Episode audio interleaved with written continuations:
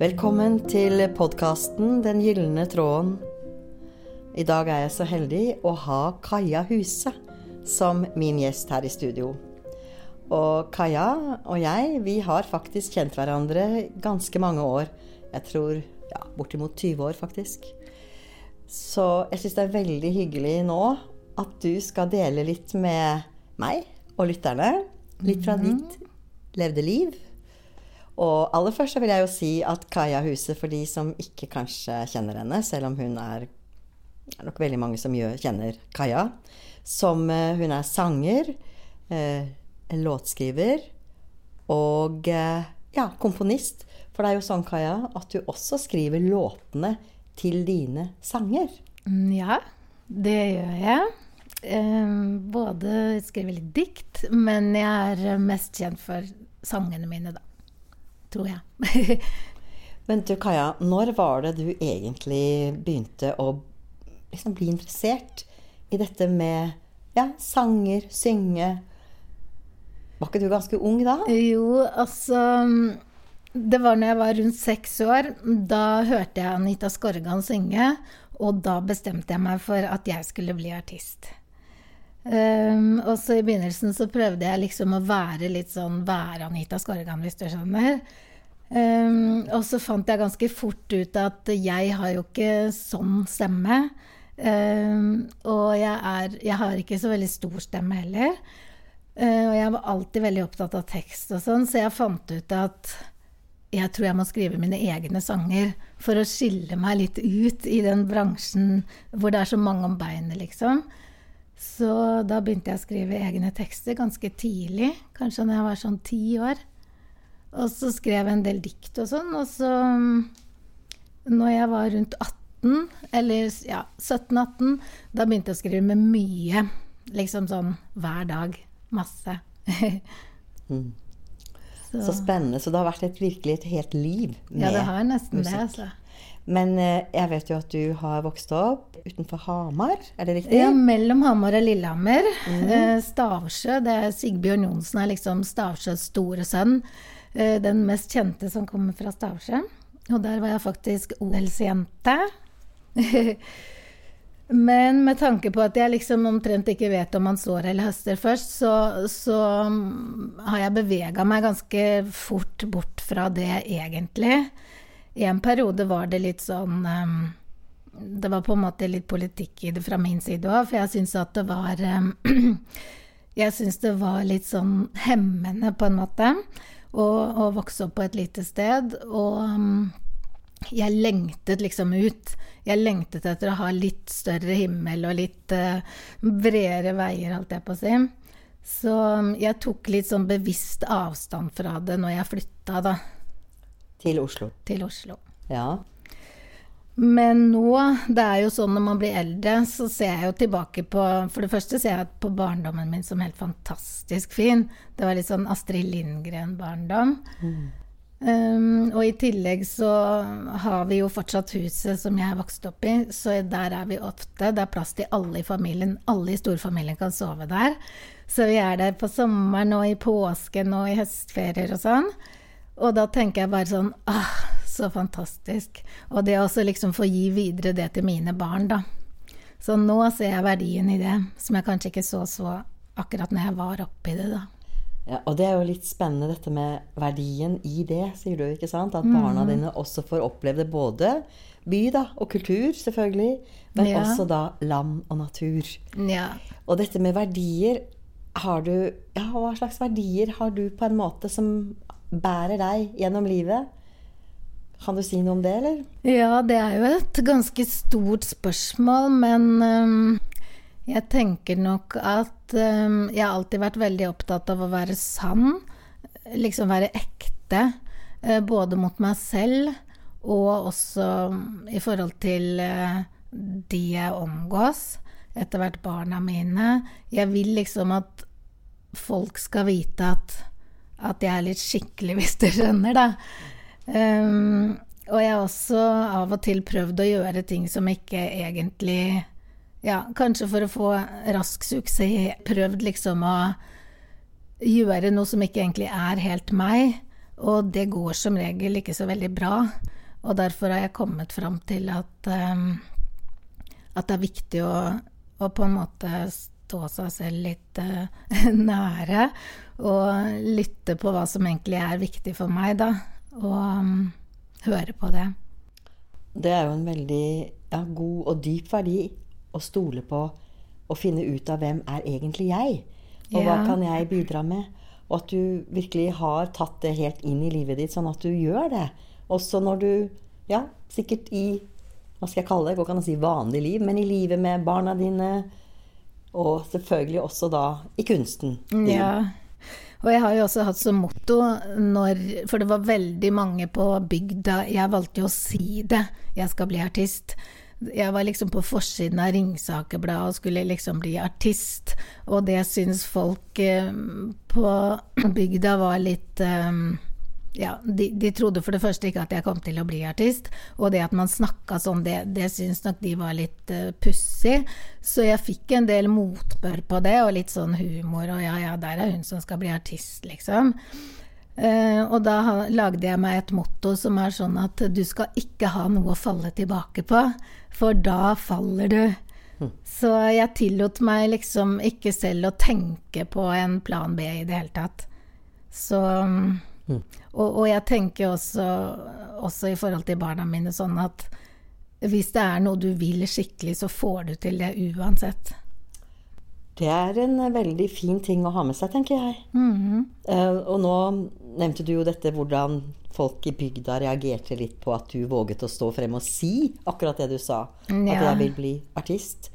Men uh, nå er det jo litt sånn også Livet har jo en evne til å gå litt ned i dal og oppover bakker og nedover bakker osv. Mm. Som jo kan føles som motstand til tider. Du, hva gjør du da, Kaja, hvis du møter litt motstand? Når du møter motstand, ja. hvis du gjør det? Ja, eh, altså de fleste møter jo motstand. I større eller mindre grad, så klart. Men eh, man kan jo aldri gå gjennom et liv uten å møte noen nedoverbakker. Eh, det er jo sånn jeg tenker i forhold til barna mine òg, at på en måte vil man jo gjerne bære barna sine på gullstol gjennom livet. Eh, hjertet vil jo det, mammahjertet vil det, men eh, gi de et verktøy til å håndtere det som måtte komme av negative ting, for det vet man jo at kommer. Um, hva jeg selv gjør hvis Det kommer jo litt an på. Av og til har man jo virkelig møtt veggen, og noen ganger møter man litt mer sånn lett veggen. Men ja. i hvert fall så um, hjelper det for meg å, um, å på en måte at jeg gjør noe Støvsuger eller rydder eller trener.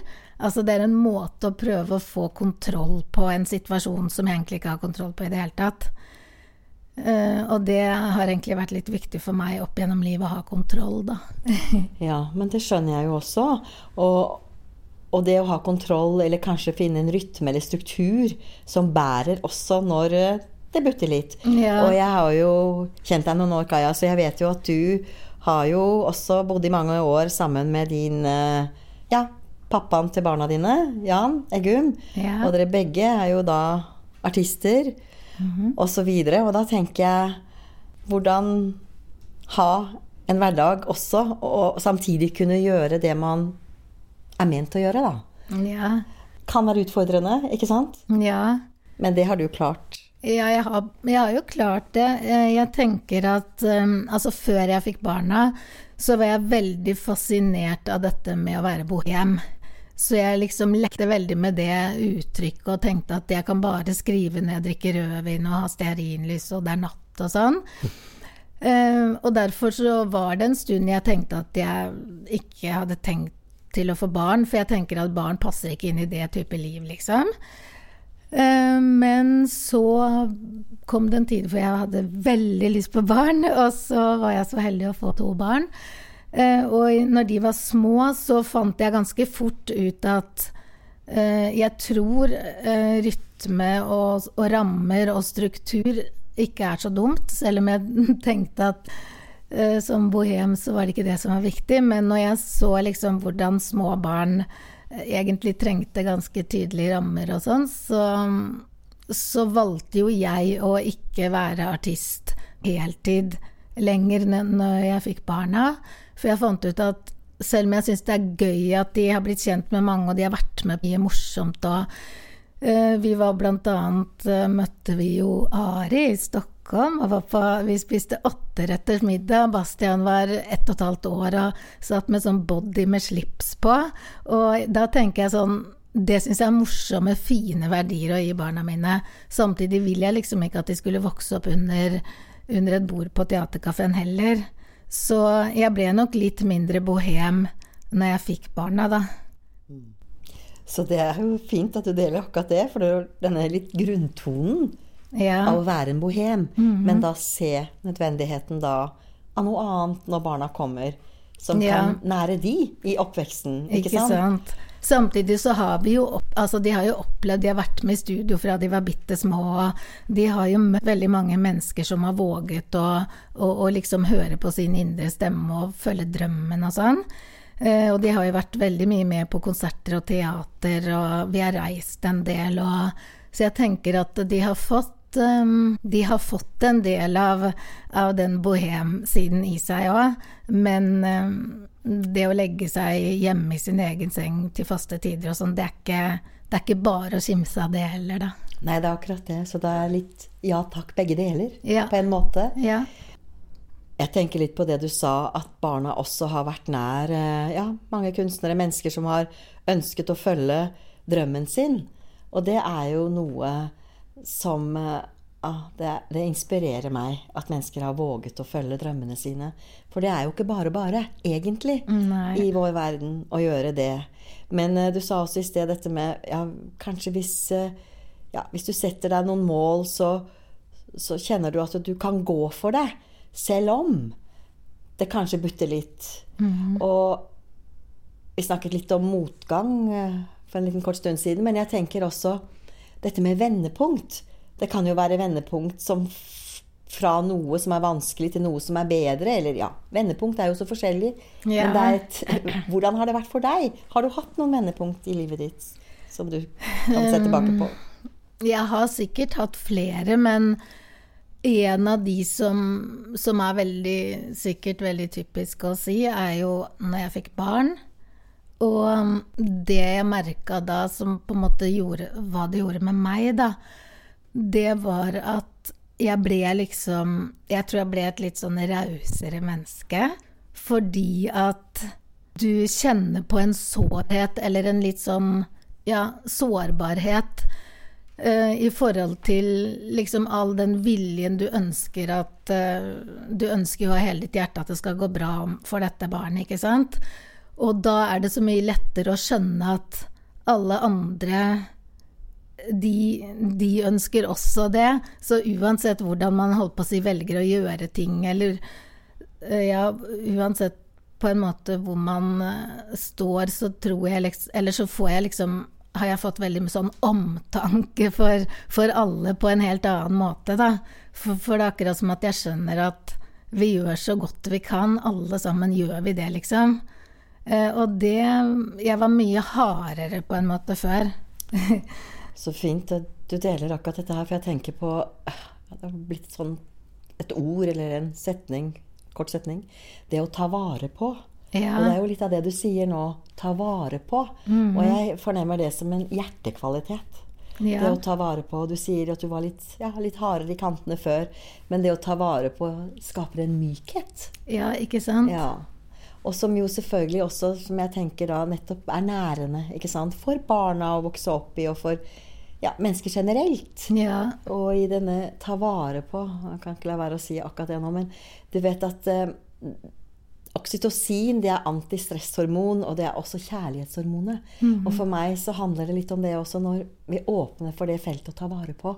Ja. At det da gir både den som er i det givende, men også den som får. At det øker den oksytocinprosessen. Som gjør ja. at det blir litt varmere og litt mer kjærlighetsfylt.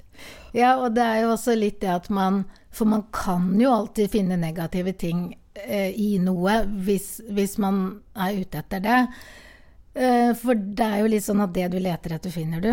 Eh, men hvis man da på en måte bestemmer seg, eller prøver å bestrebe seg på å lete etter det som er positivt isteden, så finner du faktisk det òg.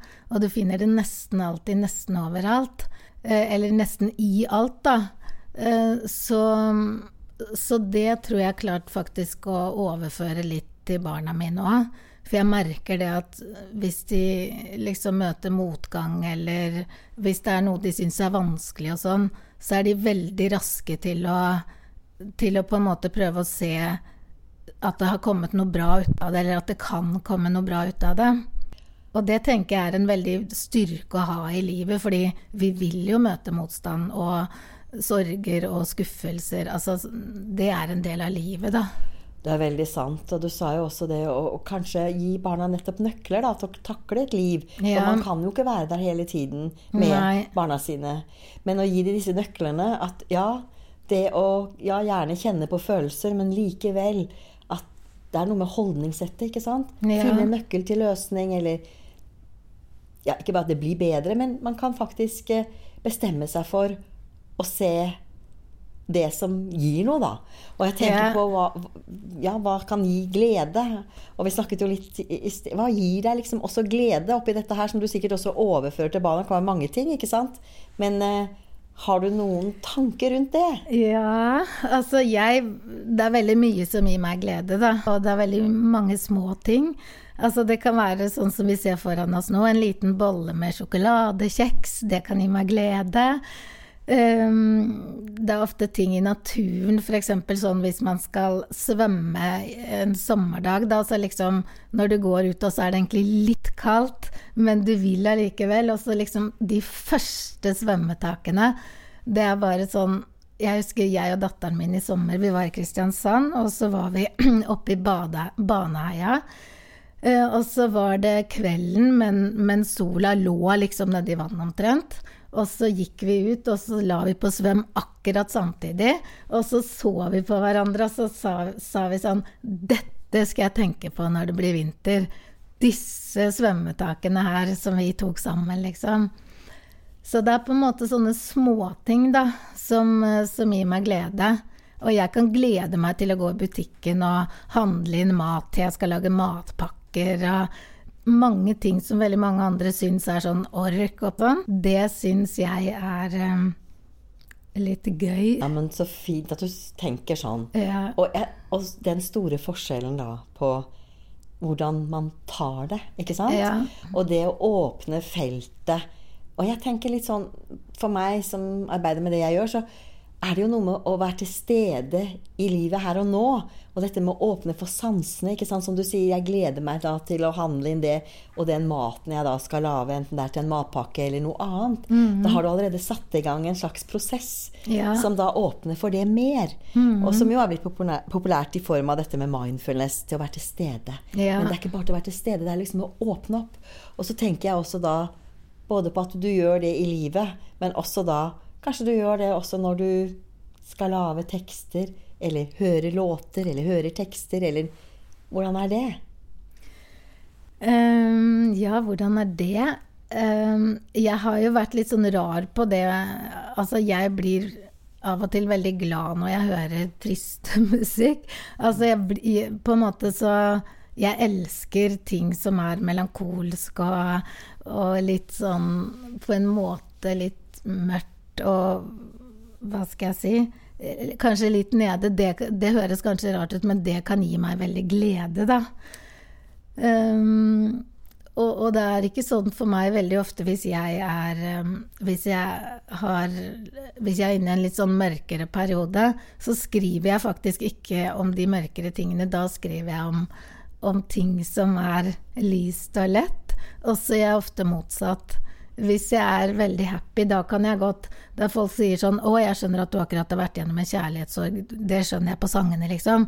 Så tenker jeg sånn nei, nei, altså alle følelser jeg har opplevd, de, spar, de ligger jo latent i kroppen. De kan jeg hente frem når som helst og bruke i en sang eller et dikt eller en tekst eller et leserinnlegg eller noe sånt. Så så, så, det er ofte at jeg ikke er i samme stemning selv som det jeg skriver om, da. Det er jo interessant, for jeg har jo sånn opplevelse at vi alle har en skattkiste. Ja. Og at du da også på en måte åpner en kistelokket og henter frem da, Mhm. opplevelser og følelser som du har hatt og fordøyd. Ja. Og jeg tenker litt det du sier det melankolske, eller det som, ja, som kan virke litt tyngre eller mørkere i musikk, da. Men jeg tror, altså, det kan jeg kjenne igjen. Dette er jo noe med at det åpner en dybde, da. En hjertedybde, tenker jeg. Mhm. Noen ganger å høre en, en musikk som liksom våger å være og dvele i det, da. Ja. Som har noe med lengsel eller ja, kjærlighetssorg, lidelse, jeg vet ikke. Det er også Ja, det er eh, forskjellige frekvenser i oss. Og vi Ja. trenger forskjellige ting til forskjellige tider. Så. Ja, og jeg tenker at hvis man f.eks. har en kjærlighetssorg, da, og sanger som handler om kjærlighetssorg, at da kan man kanskje grave seg enda lengre ned enn man allerede er. Eh, og, og selv om det er lov, og, og ikke bare lov, men man skal, tenker jeg, få lov til å føle alle de følelsene man gjør. For det tror jeg er veldig viktig for å komme seg videre, og for å på en måte bearbeide det man opplever. For alt lagrer seg jo kroppen, enten man vil eller ei. Så, så det er viktig å føle, å få lov å føle, og, og det er veldig viktig. Men enda så tenker jeg at man kan faktisk til en viss grad bestemme seg for å ja, hente frem Hente frem noe annet, og, og på en måte hjelpe seg selv litt opp. Ja, så dette viktigheten av tankesett også. At man har nøkler til å kunne ta seg videre fra situasjoner som har vært utfordrende. Og det er jo litt av dette med vendepunkt, og ikke minst hva handler den gylne tråden om? Har du tenkt litt på det? For deg? Ja. Ehm, jeg tenker jo at um, takknemlighet er nok en av de tingene som går igjen i min gylne tråd. Jeg er veldig takknemlig for veldig mye. Og um, apropos vendepunkt, så var jeg gjennom et veldig vanskelig brudd for noen år siden.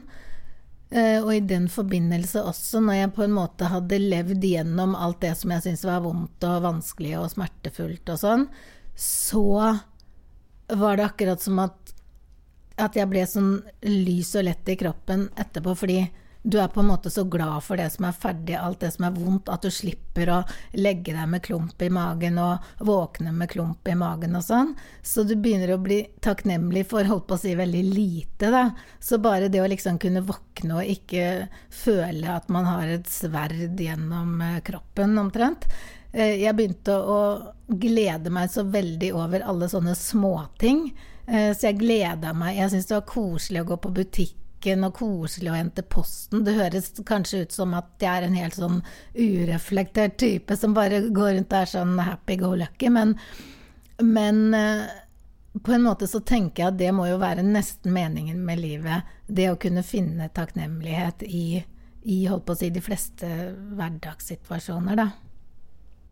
Ja, og jeg tenker også dette med Du nevner jo dette bruddet, og det var jo da eh, ja, Du har jo hatt et par brudd siden jeg har kjent deg en stund, yeah. som jeg vet om. Yeah. Og jeg tenker dette du refererer til nå, var vel det, det, det siste bruddet du hadde. ikke sant? At du hadde en kjæreste, samboer. Yeah. Til tider samboer, i hvert fall. Ja. Og, ja, og dette med kjærlighetssorg, da. Ja. Som jo er en veldig dybde, sånn som du sa i sted, som går veldig dypt, kan gå veldig dypt. Sjokk og kjærlighetssorg. Yeah. Og så tenker jeg også, jeg syns det er eh, så utrolig fint at du etter en sånn fase virkelig kommer til dette med takknemlighet. Det er jo virkelig ja, en gyllen tråd. Ja. Ja. Ja, og det, det er jo sikkert litt fordi det, den, det har jo ligget der før, men, men eh, det kom nok enda sterkere til uttrykk, og jeg ble enda mer bevisst på det. For liksom, det var et forhold som var litt vanskelig på slutten også, sånn at på en måte var det sikkert veldig bra at forholdet ble slutt, men, men man kan jo være glad i noen selv om, selv om det er riktig å, at det blir slutt, da. Eh, Men eh, da ble jeg også et, Når jeg liksom hadde bearbeida dette nok, så ble jeg også liksom veldig glad for alt jeg slapp. Alt jeg slapp i forhold til det der med Altså hver gang det nærmet seg en høytid, så var det problematikk i forhold til hvor skal vi være, hvem skal vi være sammen med, hvor skal vi velge, ikke sant. Og jeg følte en veldig sånn derre lettelse på at nå, nå, nå er jeg ferdig med det, liksom. Det bør jeg ikke ta stilling til lenger. Eh, det føltes liksom Altså, jeg følte som at jeg bare svømte ut i dette berømmelige tjernet, og bare kunne svømme og svømme uten at noe stoppa meg. Mm. Det var bare så deilig. Det var akkurat som at alle de på en måte sperrene og hemningene jeg hadde hatt i kroppen en stund, at de hadde liksom løst seg opp, da. Og når du deler det sånn som du gjør nå, så tenker jeg også på at dette vendepunktet ble nesten en transformasjon. Ja. Dette fine bildet som vi snakker om til tider, ikke sant? hvor larven blir, går inn i puppen, og kaoset ja. før det blir en sommerfugl. Og at det også refererer jo kanskje nettopp til sånne tilstander som du nå også nevner. Ja. Hvor noe har vært smertefullt over tid, og så mm. lysner det, og så blir det så mye lysere og en annen frekvens, egentlig. Mm. Og at alt dette som tilhører denne veven vår, da, for det er jo det og, og, denne gylne tråden som på en måte kan komme igjen da, ja. til forskjellige tider når vi trenger det. Mm. Og at det tar oss videre i livet. Ja. Mm. Så nå, nå er du da eh, i Ja, du har jo fått nesten ungdommer i huset, du. Jeg har jo det. Jeg har en sønn som blir 17, Bastian. Og så en datter som er 13. Hennika. Hennika som er 13, og Bastian som er snart 17. Og, men jeg vet jo også, Kaja, at du har delt med meg at du har jo tatt eh, dette med din evne til å skrive ja, musikk og tekst inn i et uh, arbeidsfelt som du har startet med for ikke så veldig lenge siden. Ja. ja. Jeg har jo fått min første streitjobb. og det er rett og slett at jeg jobber i en steinerbarnehage. Uh, det er en aldersblandet gruppe, og det er barn fra to til seks år. Um, og det er også sånn jeg føler meg utrolig heldig, fordi jeg elsker jo musikk, og så elsker jeg barn. Og, og det å kunne kombinere den, den, de to liksom lidenskapene, det, det syns jeg er helt utrolig fint. Fordi altså for meg så er liksom barndom og oppvekst, det er på en måte noe helt magisk. Um, og det er med å forme et menneske og et barn så utrolig mye, da. Så, så, hvis jeg liksom kan være med og tilføre noe positivt for barn, for noen barn, eh, som de kanskje til og med i beste fall kan ta med seg eh, resten av livet, som en verdi, da, eh, så tenker jeg at det er bare så utrolig stilig. Um, da, og da tenker jeg ikke bare på det med musikk. Altså, jeg har lagd mange sanger til dem, og vi sitter på stubber, og jeg spiller gitar, og de synger, og de er, lærer tekster så fort. Så rent i forhold til det faget der, så er det også veldig gøy. Men jeg tenker jo også i forhold til liksom å snakke om ja, bare være en, i beste fall et godt forbilde, da. Barn lærer jo veldig De, de etterligner jo. Og det å snakke om Vi har fine samtaler, og av og til er de jo lei seg. De kan komme med ting til meg som de kanskje ikke har fortalt til noen andre.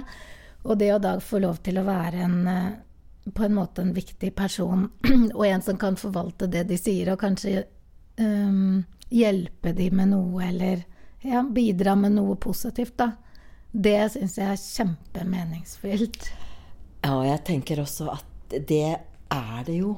Og jeg tenker på dette som du sa i sted, dette med ja, jeg ble litt mykere, og dette å ta vare på, da. Mm. Og at mm. det betyr så mye. Og jeg tenker nettopp på å ha ja, rollemodeller eller mennesker i livet når man er liten. Mm. At det blir med en videre. Ja. Det føler jeg i hvert fall. Ja, man tar jo veldig mye inn når man er liten og barn. Så mm, de er jo mottagelige for veldig mye. Og mm, ja, jeg tenker bare at det er bare så gull å få lov å jobbe sammen med de, da. Ja. Og så heldige de også er, da, som har, ja, som har også deg der som har den opplevelsen. Og jeg tenker Altså, det er jo faktisk kjærlighet. Det er jo ja, det kjærligheten er jo som, vi, som, får lov til å være med, ikke sant? Mm -hmm. Og som da åpner jo sansningen, og åpner jo sjelen. Ja. Og som ja, som gir håp, rett og slett, tenker jeg. Ja. Som kan tas med videre inn i livet. Så det syns jeg er en veldig ja, fint, det du deler der. Fra din så dag. tenker jeg også, fordi vi er jo inne i en litt heftig tid, sånn eh, hvis man ser på de store bildene. Um, og det er mange som blir litt deprimert eller syns at ja, mister litt troen på fremtiden og alt. Eh, og det tenker jeg da burde de jobbe med barn, for de har så mye De har så mye positiv energi, og jeg tenker at jeg får faktisk tro på fremtiden når, når jeg er sammen med den oppvoksende slekt, for de har ikke opplevd alt som vi har opplevd. De, de, bringer med seg noe nytt, og kanskje bringer de med seg akkurat det som gjør at, at uh, verden blir litt bedre, da. Vet du, det tror jeg også. Og jeg er også så takknemlig for Jeg har jo fulgt da ja, De nærmeste hos meg har vært barnebarna. Eh, som jo mm. er et stort spenn fra snart, si snart 30 til 2. Ja. Og jeg ser også det du sier, og jeg tenker at den kreativiteten, den, den livskvaliteten og vitaliteten som barn har, da, det umiddelbare, ja. at det gir også meg håp mm. for fremtiden. Og for meg så har dette her med ja, eh, det kreative feltet er også veldig nærliggende til ja, et, et annet av mine kanskje ja, Kall det gylne tråd, da. Hvor jeg også har et forhold til det som er mer, da. Ja. Og jeg tenker at dette, dette, For meg så hører liksom det kreative, ta vare på den kjærlighetsprosessen, også med til disse åpningene til det som er mer. Mm. Så jeg mhm. lurer jo litt på om Har du litt sånn tanker rundt det? Ja. Eh, jeg har så klart tanker rundt det. Og Altså, jeg tror at det finnes noe mer. Eh, det har jeg følt mange ganger. Og egentlig fra jeg var veldig liten, så har jeg både hatt en intuisjon hvor jeg ofte på en måte tenker, tenker på noe som kommer til å skje rett før eller en dag før, og så skjer det, liksom. Eh, og jeg har også hatt en slags følelse av noe som jeg ikke kan sette helt ord på. Og det kan jeg ikke enda, men men jeg tenker at jeg, jeg, det virker helt umulig at ikke det er noe mer. Men jeg vet bare ikke akkurat hva, eller hvordan jeg skal sette ord på det, da. Og det er jo ofte litt vanskelig å sette ord på også. ikke ja. sant? Dette mer. Men så tenker jeg også at det tangeres da nettopp i det du har delt med ja, håpet for disse små barna som du virkelig kan ta del i, og håp for den oppvoksende slekt. Mm. At det er noe av dette ja, kjærlighetsfeltet som jo også blir en slags nøkkel til en opplevelse av det som er mer, ja. tenker jeg. For meg, i mitt eget liv også. Mm -hmm. Og veldig fint at du deler akkurat det. Uh, også Jeg vet ikke, Kaja, om du har noe mer du kunne ha lyst til å liksom dele med, med meg og med lytterne? Av det vi har liksom Snakket om nå? Ja. Altså, jeg tenker Vi var jo litt inne på det, men dette med at uh, selv om jeg tror det er viktig å føle akkurat det man føler, og anerkjenne det. Og um, la seg selv være i det. Eller la andre, f.eks. barn, da, hvis det er barn du er mye sammen med, at de får lov til å være skuffet, eller de får lov til å være lei seg og sånn, men at man allikevel på et tidspunkt klarer å tenke at det kommer nesten alltid noe godt ut av det meste, da det kommer noe godt ut av det. Ja, det er veldig fint. Og jeg tenker at det er jo å gjøre oppmerksom på å rette blikket fremover. Mm -hmm. ja.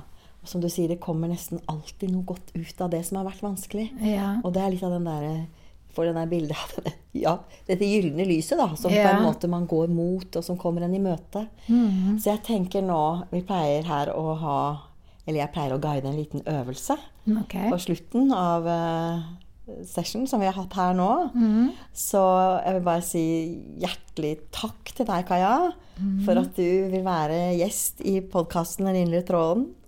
Og så skal vi bare gjøre en, en, øvelse, så fanger jeg liksom litt opp av det som har vært tema okay. nå. Mm. Og um, ja. Så nå kan du som er eh, lytter, og vi her, bare kjenne litt inn, lukke øynene komme litt til eh, ro og kontakt med kroppen, som også er viktig. Det er jo i den vi er. Og bare legge merke til om det er noe sted som du føler du kan lande inn når du nå sitter, står, ligger. Men ikke kjør bil og gjør denne øvelsen. Er du snill? kan du ta noen dype innpust og utpust. Og et par av de bildene fra denne samtalen som jeg har hatt med Kaja, så dukker det opp dette bildet for meg med ja, stå ved vann, eller stå på en strand og bare se liksom utover hvor solen glitrer i, i vannet. Og kanskje er det sånn å kjenne inn da nettopp dette med å ha hatt denne gode, gode, nesten lykkefølelsen en sommerdag hvor man virkelig går ut i vannet og kjenner på hvor forfriskende det er.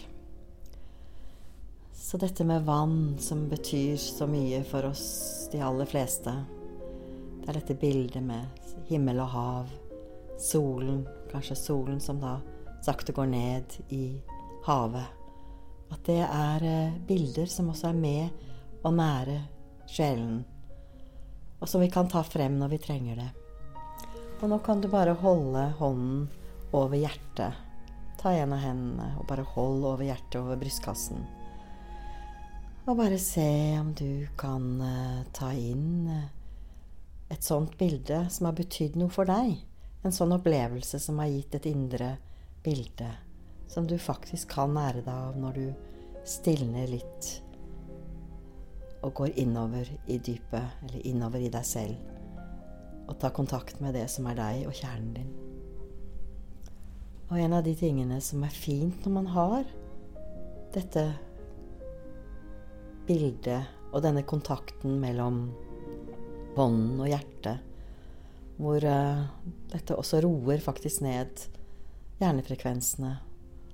Det gjør at vi blir litt roligere, og at uh, de mange kanskje tankene som vi ofte har, kan stilne litt.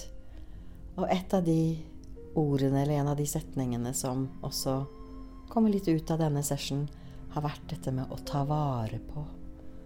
Ta vare. Hva betyr det for deg akkurat nå? Og du kan kanskje til og med tenke over det etterpå. Ta vare på. Ta vare på seg selv, ta vare på de rundt seg, ta vare på omgivelsene. At det er faktisk en uh, følelse som også tilhører hjertet vårt. Som åpner også for det som er mer, og gir oss håp.